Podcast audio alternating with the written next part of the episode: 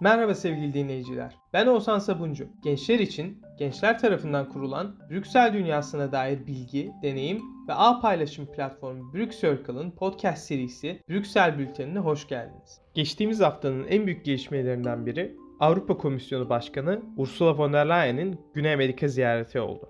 Komisyon Başkanı AB ile Arjantin, Brezilya, Paraguay ve Uruguay'ın oluşturduğu Mercosur bloku arasındaki ticaret anlaşması ve daha fazlası için kıtada bir tura çıktı.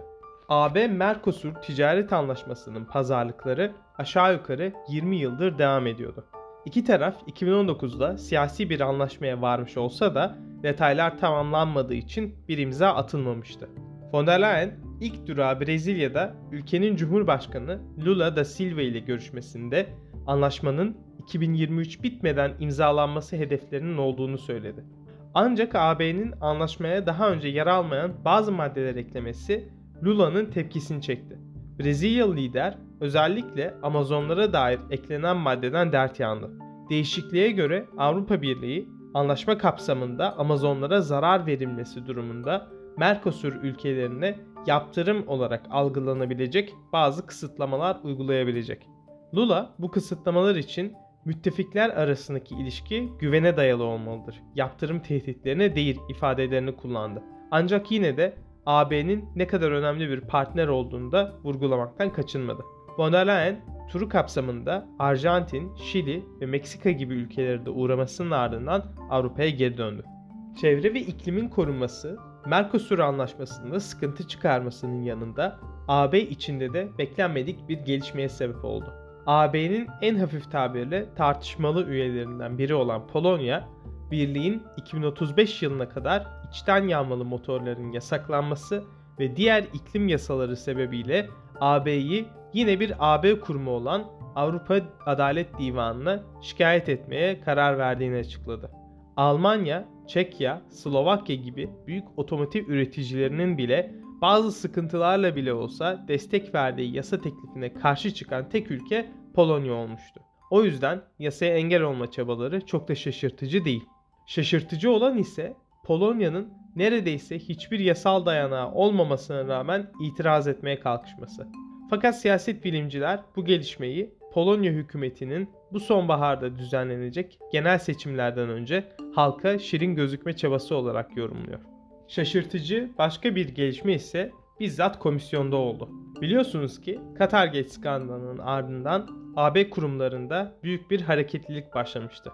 Ama zaman içerisinde bu hareketliliğin hızı biraz sönmüştü. Geçtiğimiz hafta ise o hızı yeniden canlandırabilecek bir bilgi gündeme bomba gibi düştü. Komisyonun komşuluk ilişkilerinden sorumlu genel direktörü Gert Jan Koopman 2009'da Bali'de tam teşekküllü bir otel tesisi satın almış. Şimdi diyebilirsiniz ki kurumlarda çalışan şahıslar çıkar çatışmalarının önlenmesi için sahip oldukları mal ve mülkleri kurumlara bildirmek zorunda değil mi? Ben de derim ki oldukça güzel bir soru ama maalesef yanıtı hayır. Kıdemli bir komisyon yetkilisiyseniz yatırımlarınıza dair bildirimde bulunmak zorunda değilsiniz.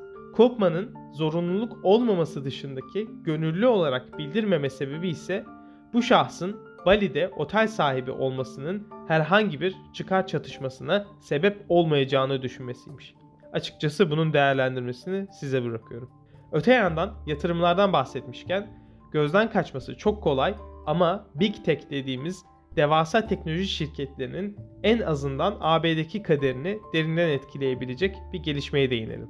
Komisyon kıdemli başkan yardımcısı ve rekabetten sorumlu komisyoner Margarete Vestager geçtiğimiz hafta Google'a bazı yatırımlarını elden çıkartma talebinde bulundu. Nasıl yani? Komisyon önüne gelene öyle elindeki malı sat, şuradaki yatırımını kapat gibi emir verebiliyor mu diye sorabilirsiniz.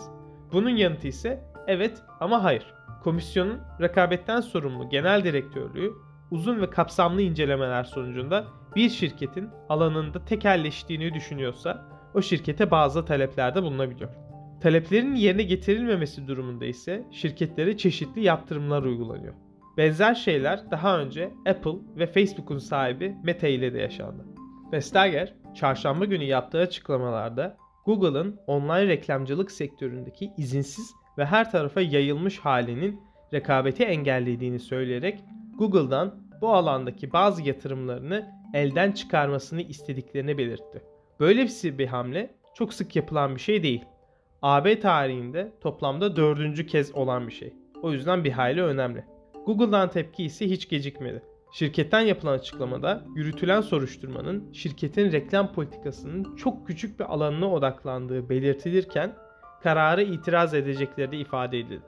Vestager, AB çevrelerinde rekabet polisi olarak biliniyor. Çünkü Google'a bu kafa tutuşu Vestager'in ilk büyük çıkışı değil. Rekabetten sorumlu komisyonların daha önceki girişimlerinin bazısı başarılı, bazısı başarısız sonuçlanmıştı. Bu sürecin ise öncekiler gibi uzun süreceğini söylemek çok da yanlış olmaz. Ve bu haberle birlikte Brüksel bülteninin bir haftasını daha geride bırakmış oluyoruz. Yeni bir bölümde görüşene kadar kendinize iyi bakın. Brüksel bülteni ve Brüksel takipte kalın. Hoşçakalın.